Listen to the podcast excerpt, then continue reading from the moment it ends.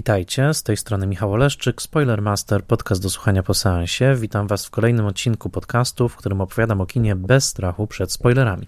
Zapraszam Was do posłuchania odcinka, jeżeli widzieliście już film, o którym mówię, ewentualnie jeżeli nie boicie się spoilerów.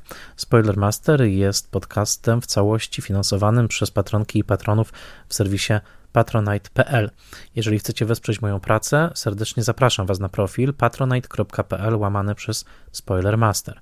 Spoilermaster jest i pozostanie podcastem darmowym w szerokim dostępie, a jego misją jest popularyzacja wysokojakościowej wiedzy o kinie.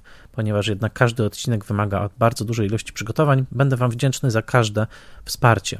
Szczególnie jestem wdzięczny moim patronkom i patronom imiennym, a zatem festiwalowi mediów Człowiek w Zagrożeniu, Michałowi Hudolińskiemu ze strony Gotam w deszczu, Dianie Dąbrowskiej z Akademii Włoskiego Kina, Agnieszce Egeman, Odjemu Hendersonowi, Beacie Hołowni, Annie Jóźwiak, Tomaszowi Kopoczyńskiemu, Władimirowi Panfiłowowi, Bartkowi Przybyszewskiemu z bloga Liczne Rany Kłute i podcastu o latach 90. Podcastex, Mateuszowi Stępniowi, Jerzemu Zawackiemu i Tomaszowi Mączce, autorom podcastu Let's Make Movies prezentującego ciekawe analizy filmowe, blogowi Przygody Scenarzysty prezentującego analizy scenariuszowe, a także portalowi Outfilm, oferującemu szeroki wybór filmów o tematyce LGBT. Dziękuję im wszystkim i dziękuję wszystkim, którzy słuchają podcastu. Zachęcam do szerowania, a także do zajrzenia na patronite.pl i na zapoznanie się z bonusami oferowanymi za konkretne e, progi wsparcia, takimi jak m.in. grupa zamknięta, newsletter i comiesięczne webinary na żywo. W dzisiejszym odcinku, odcinku specjalnym, E, oddam głos badaczce e, kina, badaczce przeszłości e, jednego z najważniejszych reżyserów kina hollywoodzkiego, Grażynie Bochenek, i porozmawiam z nią o Fredzie Zinemanie. Fred Zineman to jeden z najważniejszych reżyserów hollywoodzkich, laureat aż czterech Oscarów za film krótkometrażowy Benji, ale przede wszystkim za filmy Oto jest głowa zdrajcy. Za ten film otrzymał dwa Oscary jako producent i reżyser, e, a także Stąd do wieczności, za który otrzymał Oscara dla najlepszego reżysera. To prawdziwe klasyki kina światowego, a takich klasyków Fred Zinnemann ma na swoim koncie o wiele więcej, bo to m.in. arcy-western w samo południe, ale także jeden z najlepszych filmów sensacyjnych w historii, Dzień Szakala i wiele innych tytułów, takich jak chociażby Julia z roku 1977 z Jane Fondą i Vanessa Redgrave. Za ten film Vanessa Redgrave otrzymała Oscara dla aktorki drugoplanowej i wiele innych tytułów, takich jak chociażby Siódmy Krzyż, Po Wielkiej Burzy czy Historia Zakonnicy. Filmy Freda Zinemana są od lat, od dekad oglądane i znane, ale stosunkowo niedawno okazało się, że reżyser nie urodził się tak jak podawał w swojej autobiografii w Wiedniu w roku 1907, ale urodził się w Rzeszowie. Rzeszowie, który podówczas należał do monarchii austro-węgierskiej, ale jednakże Wiedniem nie był. Na trop y, tego śladu właśnie urodzenia Zinemana natrafiła Grażyna Bochenek, reporterka radiowa i y, nie tylko, i postanowiła podążyć tym tropem. Niesłychanie konsekwentnie, niesłychanie pracowicie.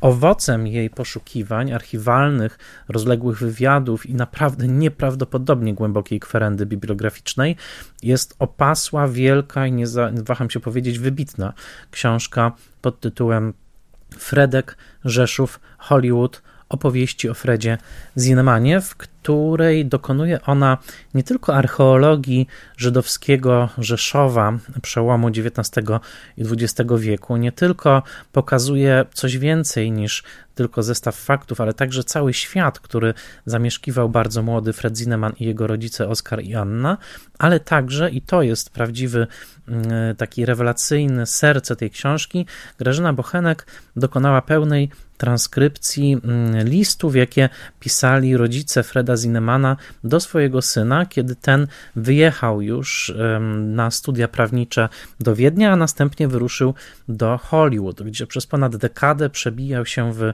branży filmowej, przebijał się także z wschodniego wybrzeża na zachodnie. W międzyczasie zrealizował film w Meksyku. Ten film nazywał się Rzeka i w końcu doczekał się na początku lat 40. swojego debiutu reżyserskiego, ale i tak jeszcze chwilę mu zajęło, zanim stał się reżyserem z własnym podpisem, reżyserem, który realizował takie projekty, na których mu zależało. To wszystko jest oczywiście historia późniejsza. W samo południe jest oczywiście chyba najbardziej znanym filmem Zinemana. Ikoniczne ujęcie Garego Coopera kroczącego z gwiazdą szeryfa ku nam stało się także ikoną Solidarności i ikoną pierwszych wolnych wyborów w Polsce po transformacyjnej. I jest w tym pewna nawet nie tyle ironia, co nawet poetyckie piękno zestawienia faktu, iż właśnie ten, ten obraz powstał w filmie kogoś urodzonego na tych ziemiach. Fakt, iż sam Zineman nie przyznawał się do e, swojego rzeszowskiego pochodzenia, jest o tyle zrozumiały, że bardzo wielu Żydów hollywoodzkich, którzy na różne sposoby uciekali z Europy ogarnianej coraz to bardziej e, zajadłymi nastrojami antysemickimi, przepisywało swoje życiorysy. To dotyczyło bardzo wielu osób, m.in. Richa von Stroheima, a e, zresztą w swojej autobiografii o tyle Zineman nie mijał się z prawdą, że rzeczywiście Rzeszów był wtedy częścią częścią Austro-Węgier, więc był on de facto, można powiedzieć, austriackim e, Żydem. Oczywiście pamiętając o tych splotach historycznych, które dotyczyły ziem e, e, pod zaborami w wczesnym wieku XX.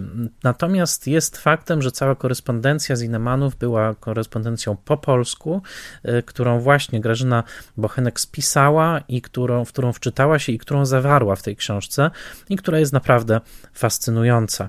Przeczytam krótki y, list, który, żeby dać Wam pewien przedsmak i przede wszystkim namówić Was do kupna tej, tak jak mówię, opasłej i wymagającej trochę czasu, ale jednocześnie napisanej niebywale płynnym językiem i wprowadzającej nas w świat Freda Zinemana i Zinemanów, można powiedzieć, y, w sposób naprawdę znakomity książki.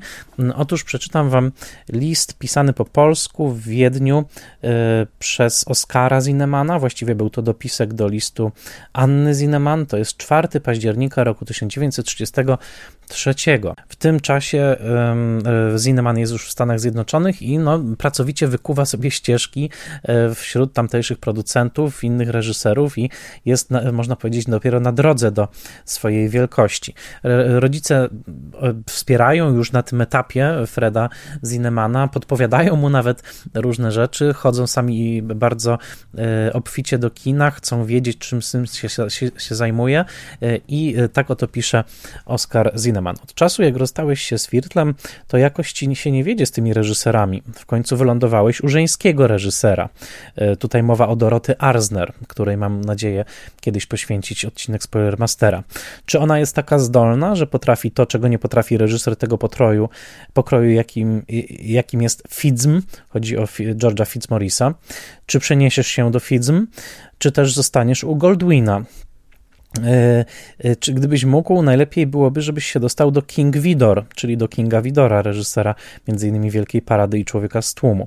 Bo tylko imię czasem więcej może zdziałać, aniżeli samo dzieło poprzez danego osobnika wydane. Widziało się często, szczególnie w filmie, że ludzie idą do kina nie dla samego filmu, lecz jedynie dlatego, że pochodzi z reżyserii X. Czy Twoje nazwisko jest podane na filmach, w których pracowałeś dotychczas? Bo reklama w tych wypadkach jest konieczna. Widzi się czasem filmy, co się żołądek wywraca, mimo dobrych, nawet pierwszorzędnych sił, ale całość bezdennie głupia, a mimo to ludzie na to chodzą. Jak to się stało, że dotychczas żaden z filmów, które ty robiłeś, nie leciał w Europie? Od czego to właściwie zależy? Przecież pracowałeś w największych przedsiębiorcach, e, przedsiębiorstwach, a nie widzieliśmy tu ani jednego z wszystkich twoich filmów. Słyszymy tutaj głos zatroskanego ojca, jednocześnie e, doradzającego biznesowo, najwyraźniej dosyć aktywnie zgłębiającego swoją wiedzę filmową, skoro wie, jak ważne jest to, aby e, na ekranie pojawił się tak zwany kredyt, tak, czyli właśnie nazwisko nazwisko, które umożliwi dalszą pracę i rozreklamowanie nazwiska. No i także ojca, który czeka na filmy syna. Oczywiście dzieli ich ocean, korespondencja e, odpowiednio e, wolno e, podąża, ale ci rodzice którzy przecież tak naprawdę już wtedy siedzieli na wulkanie, obydwoje zginą w Holokauście. Tutaj czekają na te filmy syna, żeby je zobaczyć z dumą, i jest w tym y, taki tragiczny rys y, z jednej strony właśnie rozdzielenia, z drugiej strony naszej świadomości tego, jaki los ich czekał. Takich listów w tej książce są dziesiątki, jeśli nie setki. E, czasami są to króciutkie fragmenty, czasami są to fragmenty dłuższe, a Grażyna Bochenek jest znakomitą kronikarką e, tej właśnie zinemanowskiej korespondencji i e, bardzo zapraszam Was do posłuchania rozmowy z nią, w której właśnie mm, Grażyna Bochenek opisuje swoją pracę nad tą książką, opisuje swoje spotkanie z zinemanami i mam nadzieję, że zachęci Was ta rozmowa do, i do zgłębiania filmów Zinemana, które do dzisiaj ogląda się świetnie, e, na czele oczywiście w samo południe, e, a także do zakupu, e, do lektury tej książki właśnie Fredek, Rzeszów, Hollywood, opowieści o Fredzie Zinemanie. I jest już z nami Grażyna Bochenek, autorka książki Fredek, Rzeszów, Hollywood, opowieści o Fredzie Zinemanie. Witaj Grażyno. Dzień dobry, witaj, witam. Witaj. Powiedz proszę, jak zaczęła się Twoja przygoda z Fredem Zinemanem. E, mówisz o tym e, w książce, ale chciałbym, żeby nasi e, słuchacze usłyszeli to wprost od Ciebie. Jak to się stało, że otwarłaś tę wejście do jakiejś w ogóle kopalni skarbów? Jak to, jak to się wszystko zaczęło? Jak to często bywa, właściwie zaczęło się od przypadku. To znaczy, ja dla Polskiego Radia Rzeszów realizowałam reportaże. Kolejny cykl reportaży miał dotyczyć twórców, znanych osób związanych z Rzeszowem i, i przyjaciel, z którym y, przygotowywałam ten cykl, przyniósł mi listę z propozycją nazwisk, bo mieliśmy tylko kilka z nich wybrać i, i, na tej liście znalazł się między innymi na samym końcu oczywiście, bo to na Z, Fred Zineman i ja wtedy tak sobie prychnęłam trochę w duchu, zastanawiając się skąd on wziął to nazwisko w związku z Rzeszowem, bo przecież no, to nie może być prawda. To był 2016 rok e, i tak z ciekawości sobie oczywiście wpisałam tego e, Zinemana i, i Rzeszów i okazało się, że, że polska Wikipedia stosunkowo niedługo wcześniej rzeczywiście taki, taki wpis popełniła i jako miejsce urodzenia Zinemana podała Rzeszów. To z kolei było efektem informacji od internautów, którzy porównywali polską wersję Wikipedii i, i Wikipedię niemiecką i angielską. E, ale również e, też w tym czasie już się okazało, że był taki krótki, był nie, nie krótki, był artykuł w e, lokalnych nowinach związany właśnie z pochodzeniem Freda Zinemana w Rzeszowie. On jakoś mi po prostu przemknął, nie zwróciłam na niego uwagi, a był o tyle interesujący, że w nim wypowiadał się Andrzej Krakowski, badacz dziejów filmowców działających w, w Hollywood, a z polskimi korzeniami. E, I, i właśnie on przekazał też taką informację o tym, że korzenie Freda Zinemana są e, z Rzeszowa. Z kolei Wikipedia, ta, ten polski wpis bazujący na Wikipediach e, angielskich i niemieckich, ich źródła dotyczyły dwóch, wiązały się z dwoma książkami. To była książka Kaja Wenigera, taki leksykon niemieckich i austriackich reżyserów, E, i książka J. E. Smythe o e, kinie, o twórczości Freda Zinemana, gdzie no bardzo krótko właśnie ten fakt był odnotowany, przy czym w książce tej anglojęzycznej tylko w przypisach się pojawił, co jest ciekawe, bo, bo nie w tekście głównym. To był początek. I, a to, co mi pomogło mm, podjąć decyzję i właściwie mm, spowodowało, że ta przygoda jest y, tak, okazała się tak długa y, i tak owocna, to fakt, że udało mi się znaleźć kontakt z jedynym synem Freda Zinemana, czyli Timem Zinemanem. To tak właściwie można to określić jednym, jednym zdaniem, natomiast to były jak dobrze teraz pamiętam, długie miesiące poszukiwań i ja chyba wszystkich swoich znajomych, nie wiem czy nawet też nie ciebie, e, nie, nie, nie pytałam, nie prosiłam o jakieś możliwości mm, pomocy w znalezieniu właśnie kontaktu z Timem Zinemanem, który też był związany z przemysłem filmowym, ale już w tym czasie był nie, nieaktywny zawodowo. No w każdym razie mm, udało mi się z nim e, porozmawiać telefonicznie. Byłam wtedy przekonana, że on mi w jakiś sposób wyjaśni całą zagadkę, że będzie w stanie powiedzieć, że owszem, w takiej publicznej narracji tego Rzeszowa nie ma, ale No właśnie, i on mi to wytłumaczy, dlaczego taką decyzję, a nie inną jego ojciec e, podjął. Okazało się, że Tim Zineman też nic o tym nie wiedział, że o Rzeszowie dowiedział się dopiero po śmierci swojego ojca, porządkując jego papiery, co swoją drogą jest no, niezwykłą zupełnie sytuacją i trudną do wyobrażenia. Natomiast e, Tim Zineman też powiedział, tak trochę się tłumacząc tej swojej bezradności, czy próbując oswoić tą bezradność i moją również, e, że mm, w tych papierach swojego ojca znalazł też mnóstwo listów, które były napisane w języku, tak mu się wydaje, polskim. On nie jest w stanie ich odczytać. One wszystkie są świetnie zachowane, są w w tym momencie w archiwum Amerykańskiej Akademii Filmowej i może gdybym ja je przeczytała, to może byśmy wspólnie czegoś więcej się dowiedzieli. No i, no i to zabrzmiało jak zaproszenie i było zaproszeniem do, do tej, no tak z perspektywy czasu mogę powiedzieć, niezwykłej przygody z biografią Freda Zinemana. Mhm. E, no właśnie, oczywiście dla mnie taką zdumiewającą częścią tej historii jest fakt, że te listy tak długo, przez całe dziesięciolecia leżały sobie w tym archiwum i nikt się nimi nie zainteresował. Dopiero ty się nimi zainteresowałaś, dopiero ty tak naprawdę dokonałaś ich żmudnej transkrypcji yy, i oczywiście chwała, chwała ci za to, ale Y, jest, jest coś niesamowitego w tym, że ten skarb po prostu tak sobie leżał i, i, i, i ty jakby swoją wolą tutaj go nam odkryłaś. Y, jak piszesz sama w książce, nie był to łatwy proces także ze względu na odręczne pismo, bo powiedzmy, może tak, powiedz jakby czy, czyje listy tak naprawdę są głównym tematem książki, kogo listy czytamy i czy łatwo było je odczytać i rozczytać? Przede wszystkim są to listy od rodziców Freda Zinemana, Anny Zineman i Oskara Zinemana. Pojawiają się też sporadycznie listy od znajomych czy dalszych krewnych. Tak, to jest w ogóle niesamowite właśnie, że one tyle czasu czekały na to odczytanie, a wcześniej e, zwróćmy też uwagę, jak pieczołowicie sam Fred Zineman je zachował, bo on przecież się przenosił, był bardzo aktywnym twórcą i te listy z lat 30. i początku lat 40. u niego w domu były E, do lat, e, do, do 97 roku e, i, i dopiero stamtąd dzięki synowi trafiły do mm, Amerykańskiej Akademii Filmowej, do, do mm, archiwum. Mm, on, tak, to pismo ręczne to jest szczególnego rodzaju dzisiaj wyzwanie dla nas, którzy jesteśmy przyzwyczajeni do tego, że piszemy i czytamy teksty z komputera i wersji cyfrowej. To było naprawdę bardzo, bardzo trudne zadanie. Ja się musiałam długo uczyć stylu pisania i mamy, i ojca. Po jakimś czasie oczywiście już byłam w stanie od razu na pierwszy rzut oka je rozpoznać, szczególnie, że mama z reguły pisała bardzo wyraźnie, natomiast ojciec miał tendencję do jednak dość niestarannego e, pisma. On z wykształcenia był lekarzem, to tak nam się może dzisiaj kojarzyć, że to właśnie takie klasyczne pismo lekarskie.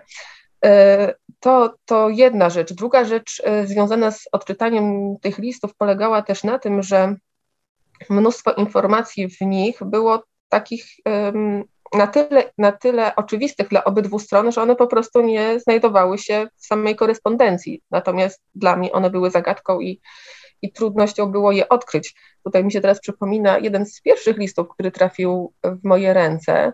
Y, list, który w którym nazwa miasta, w którym został napisany, była, napisana, była zapisana w sposób wyjątkowo trudny do odczytania. Po jakimś czasie zaczęło mi się wydawać, że może tam jest napisane Łódź, ale skąd Łódź, skoro rodzice mieszkali w Rzeszowie, a potem we Wiedniu, a pisali do Hollywood, no ta Łódź mi absolutnie nie, nie pasowała. I mimo, że ja widziałam to słowo przed sobą, to dopóki nie znalazłam tej Łodzi w innych listach, nie byłam w stanie dostrzec jej w, właśnie w tym, w tym pierwszym oryginalnym liście. No i takich sytuacji było bardzo dużo. No przede wszystkim imiona różnych osób, często zdrobnienia, jak je połączyć na przykład z nazwiskami, które mamy w archiwach, jak dopasować e, te, te, te postaci, jak wyrysować relacje, które między nimi są. No, to było rzeczywiście dużym, dużym wyzwaniem. Mhm, mhm. E, chyba najbardziej e, fascynujące w tej mm, korespondencji, bo dodajmy, że prowadzisz tę opowieść dwutorowo trochę, znaczy opowiadasz o tym, jak Zineman tak naprawdę imigrant w Stanach Zjednoczonych powoli, wyku, powoli dodajmy, wykuwa swoją ścieżkę filmową, bo to mam wrażenie, że choć, choćby Billy Wilder o wiele szybciej to, to zrobił, Zinnemanowi to jednak zajęło więcej czasu, a z drugiej strony właśnie są te, te takie sygnały od rodziców z Europy, którzy tam często powracająca fraza, no, że siedzą jak na wulkanie, prawda? Ży, y, żydowskie małżeństwo, y, lata 30. Y, w pewnym momencie mm, są w Wiedniu, jakby tak, to jest ich baza, ale tam jest taki po prostu rosnący rosnący niepokój. Powiedz, y, jak, jak czułaś się w ogóle obcując z tą korespondencją? Piszesz, że, że, że korespondencja zawaliła cały twój dom, że była porozkładana po różnych miejscach, że kot musiał się przyzwyczaić do obecności tych licznych listów, ale czy faktycznie y, miałaś też jakieś takie emocje, które się w tobie obudziły, czytając te listy? No było, nie było mm, z takiego świata, który został zgładzony. Tak, i to były bardzo silne emocje, bo, bo obcowanie z listami, bardzo intymnym przekazem, powoduje, że powodowało, że ja się czułam niemal częścią tej rodziny i miałam poczucie zaprzyjaźnienia się, mniej nawet z Fredem Zinemanem, a bardziej z jego rodzicami. I bardzo mnie dotykały właśnie te emocje, które im towarzyszyły. A ten aspekt, na który zwróciłeś uwagę, czyli właśnie to poczucie życia na wulkanie, poczucie tego, że coś dzieje się strasznego, okropnego, a jednocześnie e, to, co było widoczne w tych listach, jakiś rodzaj przyzwyczajenia się do tej sytuacji i takiego tłumaczenia sobie, że owszem, oto kolejne zdarzenie, które jest nie do przyjęcia i nie do zaakceptowania i nie można się z tym pogodzić, ale właściwie za chwilę autorzy listów no jakoś się z tym godzą i, i za chwilę opisują kolejne wydarzenie, które wydawałoby się, że jest poza granicami ich e, wyobraźni. Właśnie to, jak człowiek się potrafi przyzwyczaić do tego, co, y, co wydaje się absolutnie nie do mm, przyjęcia i jednocześnie też odsuwanie takiego poczucia zagrożenia w stosunku do swojej własnej osoby. To też było niezwykle uderzające, szczególnie, że oczywiście no, ta lektura dzisiaj zakłada wiedzę na temat tego, co się za chwilę wydarzyło. Rodzice tej wiedzy nie mieli i chociaż y, sporo właśnie w ich listach jest tych sygnałów o o tym narastającym zagrożeniu, to jednocześnie oni też mają jednak poczucie, że jakoś sobie poradzą. I na przykład, kiedy Fred Zinnemann im pro, proponuje wyjazd do Stanów Zjednoczonych, okazuje się, że no, ważniejsze są argumenty o tym, że może im będzie tam się trudno utrzymać, bo nie będą, bo, bo ojciec nie znajdzie tam odpowiedniej pracy. On nie, nie chcą być ciężarem dla swojego syna. Więc to jest ważniejsze niż to, co się dzieje w Europie tuż obok. No, dzisiaj oczywiście oceniamy to inaczej, ale ta możliwość e, wejścia właśnie w, w ich e, horyzont poinformowania i świadomości, e, to powoduje olbrzymie emocje w, osobie, która się zapoznaje z takimi tekstami. Mhm. No tam jest też wyraźny też taki ton właśnie rodziców, którzy uspokajają syna, mówiąc właśnie, że nie martw się o nas, tak, że wszystko, wszystko będzie dobrze.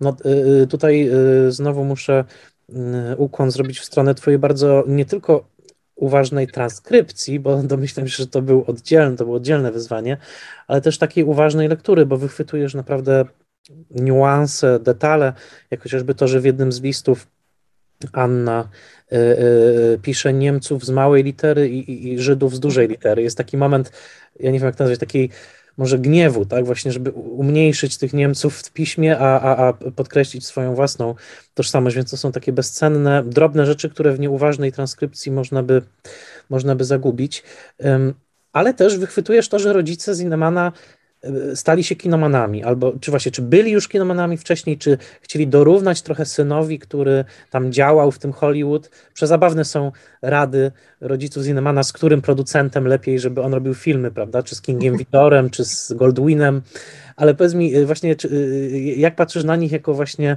na takich rodziców kinomanów, jak, jak, jak ty widzisz ich, ich tutaj zachowanie wobec syna? Znaczy, to było urzekające i to była ta część um, listów taka bardziej um, no, pełna humoru i, i taka budująca, y, budująca część tej y, lektury, bo no, faktycznie oni byli zagorzałymi kinomanami i szczególnie mama oglądała mnóstwo filmów, miała bardzo konkretne poglądy na temat jakości tych, tych tytułów, które ogląda. Niesamowicie ceniła kino niemieckie. O filmach polskich pisała Pożal się Boże. Natomiast niestety akurat polskich, jeśli chodzi, o polskie filmy, to nie podawała tytułu, więc no możemy tylko sobie zgadywać i ja próbuję zgadywać, które mogła mieć na myśli, które miały premierę w tym konkretnym roku. Mm, tak, no byli, byli bardzo zainteresowanymi y, kinomaniakami, a ojciec na przykład też wychwytywał takie informacje dotyczące na przykład kina awangardowego i, i działalności polskich filmowców awangardowych, próbując syna e, tą twórczością e, zainteresować. Mm, a ciekawe też e, bardzo było to, że sam Oskar Zineman też podjął wręcz próbę scenariuszową. Podzielił się z, ze swoim synem scenariuszem do filmu Morfinista, E, I to jest fantastyczne, jak on przygotował trzy, trzy zakończenia tego filmu, tak jak takie realistyczne, e, takie bardziej tragiczne, e, zgodne z wyobrażeniami panien bodajże, i takie trzecie, które jeszcze łączy to, to wszystko. Jest w ogóle przekonany, że to jest świetna propozycja. Ja tego nie mogłam ocenić, bo akurat ten scenariusz jest w języku niemieckim i nie, mm, z, tym, z tym scenariuszem się nie zapoznałam, ale on później w kolejnych listach też jeszcze do tego wracał i faktycznie liczył na to, że, że znajdzie się jakiś producent y, hollywoodzki, który będzie chciał ten y, jego scenariusz y, zaadoptować. To też pokazuje, jak no właśnie jak to kino było dla rodziców Zinemana ważnych, chociaż wydawałoby się, że to jest takie bardzo stateczne, e, konserwatywne, mieszczańskie e, małżeństwo, które e, no, ceni stabilną, konkretną karierę. I tak właściwie też z autobiografii Freda Zinemana wynikało, że on przecież musiał z dużym trudem przekonywać swoich rodziców do tego, żeby pozwolili mu zamienić prawo na studia sztuki operatorskiej w Paryżu. No to wcale nie było oczywiste, że oni powiedzą, oczywiście synu jedź, ucz się tego dziwnego fachu i na pewno to jest świetny wybór. No. Mhm. Tak, no to jest też urzekające, że jednak pokazujesz właśnie tych mieszczańskich rodziców, E, powiedzmy no, wychowanych, ukształtowanych przez przełom XIX i XX wieku, którzy zostają skonfrontowani z bardzo nowoczesną profesją, niepewną profesją, jakim jest właśnie bycie filmowcem. Tak, tak, zdecydowanie to jest bardzo istotny element w tej korespondencji, jak również taka no z kolei dbałość o to, żeby mm, Fred Zinnemann się nie poddawał i nawet jeśli jakiś konkretny tytuł, przy którym pracuje, mu się nie podoba, to mimo wszystko konsekwentnie był w tym projekcie do końca, też żeby nie zrażał się, jeśli nie może się dogadać z jakimś konkretnym e, producentem czy reżyserem. Ale z tym też się wiąże z kolei e, taka ich pewna nieufność związana właśnie z wyborami przez syna podejmowanymi, takimi no, nieoczywistymi, jeśli chodzi o Hollywood. A to było też jedno z moich dużych zaskoczeń i odkryć w ramach pracy nad książką, właśnie jak charakterny był Fred Zinnemann od samego początku i jak on sobie w tym Hollywood radził. On się nie, nie potrafił tak do końca dopasować do tego miejsca, w którym się znalazł, tylko chciał e, realizować swoją karierę według własnych zasad e, i chciał być wierny temu, jak sobie to kino wyobrażał i mm, interesowały go od samego początku filmy bardziej poważne, filmy o czymś, a nie takie stricte rozrywkowe. I naprawdę był gotów podejmować decyzje, no takie, takie trudne i przez rodziców często oceniane jako wręcz e, fanaberię, lekkomyślność i, i no, to było też powodem takich listownych kłótni między rodzicami a synem. Mhm. No świetnie piszesz o tym, właściwie też lektura Twojej książki mi to jakoś mocniej uświadomiła, że właśnie Fred Zinnemann w takim nawet swoim obejściu, pewnym, pewnej obyczajowości pozostał Europejczykiem yy, bardziej niż, niż, niż stał się Amerykaninem. E, Billy Wilder, którego losy są tak jakby paralelne, a jednocześnie bardzo różne, bo to tak do różne osobowości, z ogromną taką łapczywością e, przyjął amerykańską tożsamość, prawda? Oczywiście zawsze pozostał mhm. kolekcjonerem sztuki europejskiej i tak dalej i był człowiekiem niesamowicie wyrafinowanego gustu, ale podobało mu się e, mecze baseballowe, prawda, cygaro i tak dalej, to takie amerykańskie życie. Piszesz o tym, że Fred Zinnemann raczej no, no zachował taki europejski sznyt i w pełni tej swojej amerykańskości e, nie, mm, no może nie, nie, tak nie przyjął do, do, do, do, do siebie. Czy tak to widzisz rzeczywiście, czy coś tutaj prze, przeinaczam? Tak, tak, tak. Znaczy, o, tym, o tym mówił mi też Tim Zinneman, o tym, mówiły, o tym mówiła na przykład była dyrektorka archiwum Amerykańskiej Akademii Filmowej, która miała z nim bezpośredni kontakt. To trochę wynikało z takiego jego e, po prostu e, temperamentu i osobowości. On pozostał bardzo powściągliwym człowiekiem i, i faktycznie bardziej Europejczykiem niż Amerykaninem. Te amerykańskie rozrywki go nie bardzo bawiły, on był pełen elegancji, co nie znaczy, że był mm, takim sztywniakiem, natomiast e, ta amerykańska popkultura, to co właśnie to, to takie nasze stereotypowe wyobrażenie, amerykańskości to było coś, co było jemu e, obce i on w inny sposób po prostu na co dzień funkcjonował. No i też ta twórczość jego jest tutaj wyraźnym e, sygnałem tego, jak on w ogóle o świecie myślał, nie tylko o, o, o kinie, czy, czy, ale też po prostu w ogóle o świecie. I tutaj dochodzimy do sedna sprawy dla każdego kinomana do tej pory, przynajmniej, to znaczy do samej twórczości.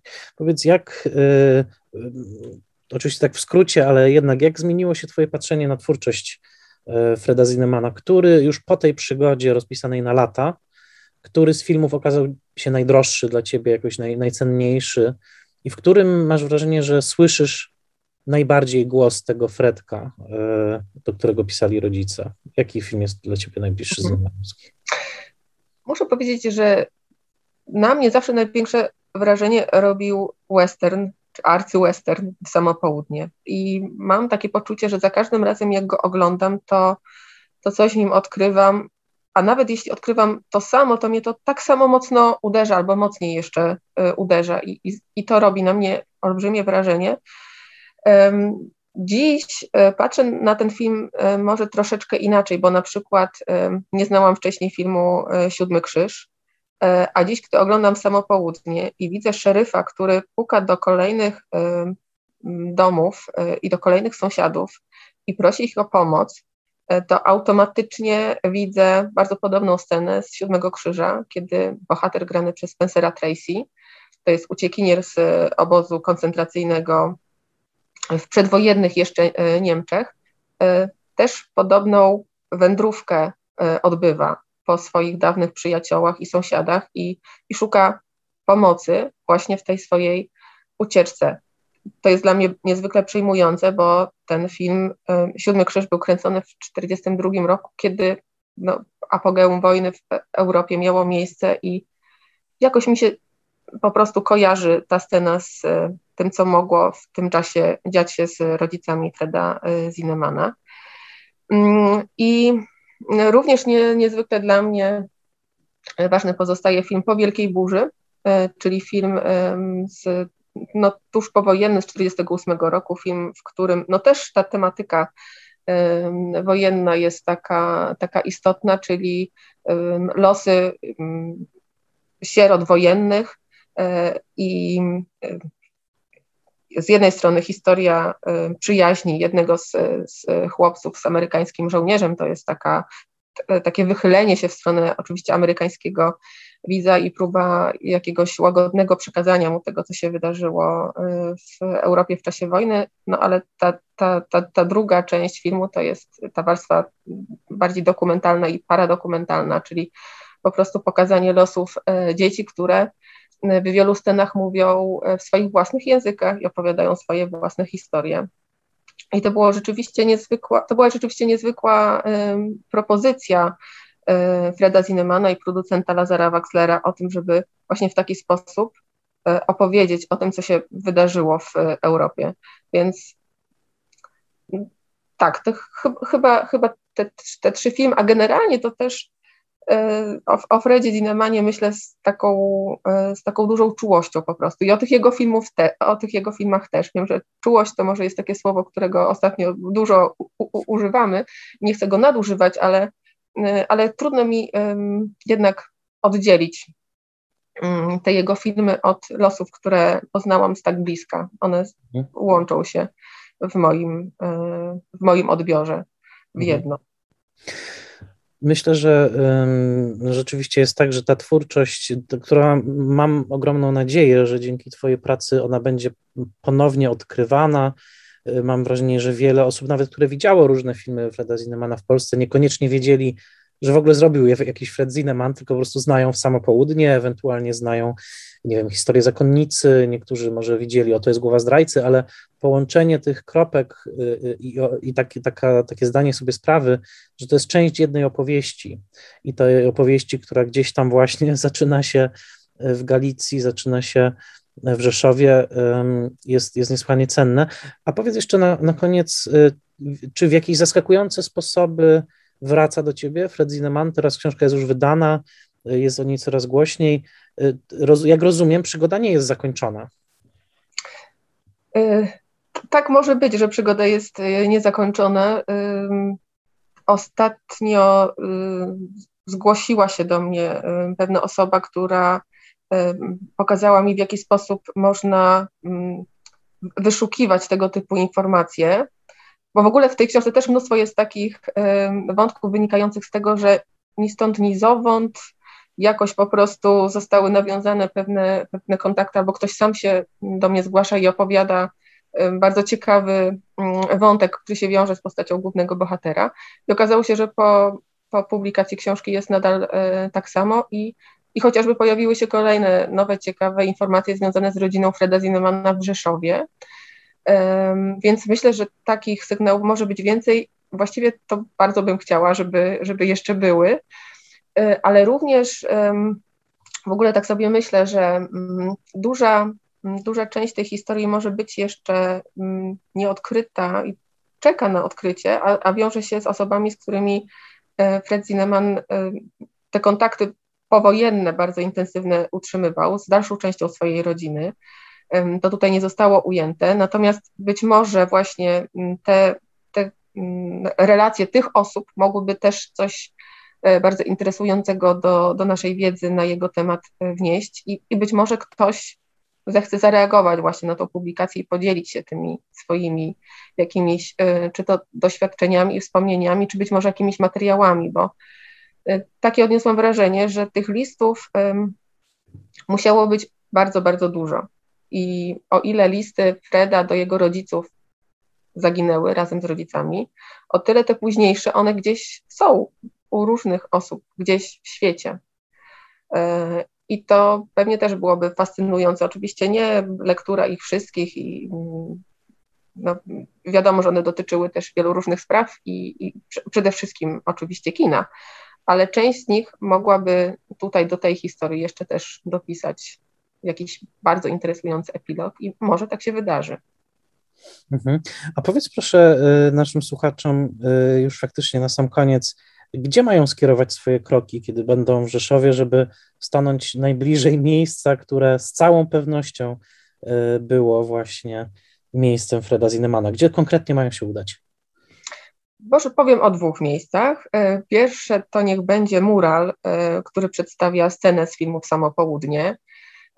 I częścią tego muralu jest krzesełko reżyserskie podpisane Fred Zinneman, które jest puste, właśnie dlatego, że Zineman sam o e, Rzeszowie nie mówił. I, i, bardzo długo też w tej przestrzeni Rzeszowa w związku z tym był nieobecny, a to jest to, co pozostało jako materialny ślad e, festiwalu. Samo Południe Fred Zineman wraca do Rzeszowa z 2018 roku i powiem szczerze, że bardzo dobrze jest ten mural odbierany i przez mieszkańców i właśnie przez osoby odwiedzające, ale jeśli chodzi o takie miejsce faktycznie związane z jego życiem, to jest, mm, to jest rynek i pierwsza kamienica przy ratuszu, E, rynek 3, kiedyś rynek 5, tam się teraz mieści restauracja, może pojawi się tam jakaś tablica, e, która będzie upamiętniać e, fakt, że w tym właśnie domu Fred Zinnemann ze swoimi rodzicami mieszkał, mieszkał na pierwszym piętrze, tam też mieścił się gabinet lekarski jego ojca, stamtąd tak sobie wyobrażam w ogóle, jak jestem na rynku, że, że sobie wyglądał przez okno i patrzył, jak ten, jak ten rynek rzeszowski wygląda. Mhm. E, bardzo Ci dziękuję. Dziękuję Ci za książkę, dziękuję Ci za ten festiwal, także za, za zaproszenie wtedy, bo to była wspaniała przygoda obejrzeć e, filmy z Innemana na rzeszowskim rynku. E, I bardzo trzymam kciuki, żeby ta książka po prostu poszła dalej w świat i żeby jeszcze nie jedno się wydarzyło wokół niej, bo wykonałaś tytaniczną pracę i serdecznie dziękuję Ci, że znalazłaś też czas na to, żeby mm, porozmawiać w moim podcaście.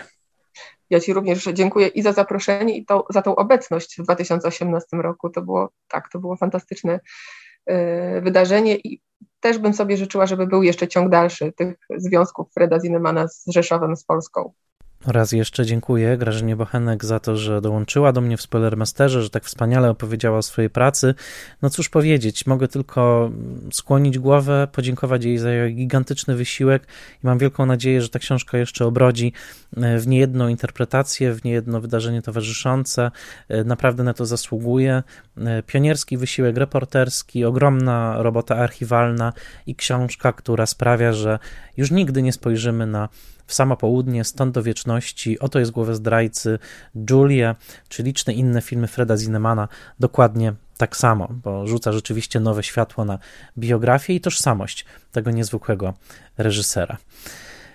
Bardzo raz jeszcze jej dziękuję. Dziękuję Wam za słuchanie odcinka i jak zawsze zachęcam do wsparcia e, patronite.pl łamane przez Spoilermaster. Ten podcast powstaje wyłącznie dzięki wsparciu patronek i patronów. Już dawno nie mógłbym go nagrywać, gdyby nie to wsparcie. Także serdecznie Was zapraszam do pomocy e, w realizacji Spoilermastera i e, oczywiście zapraszam już na kolejny odcinek, który już za tydzień.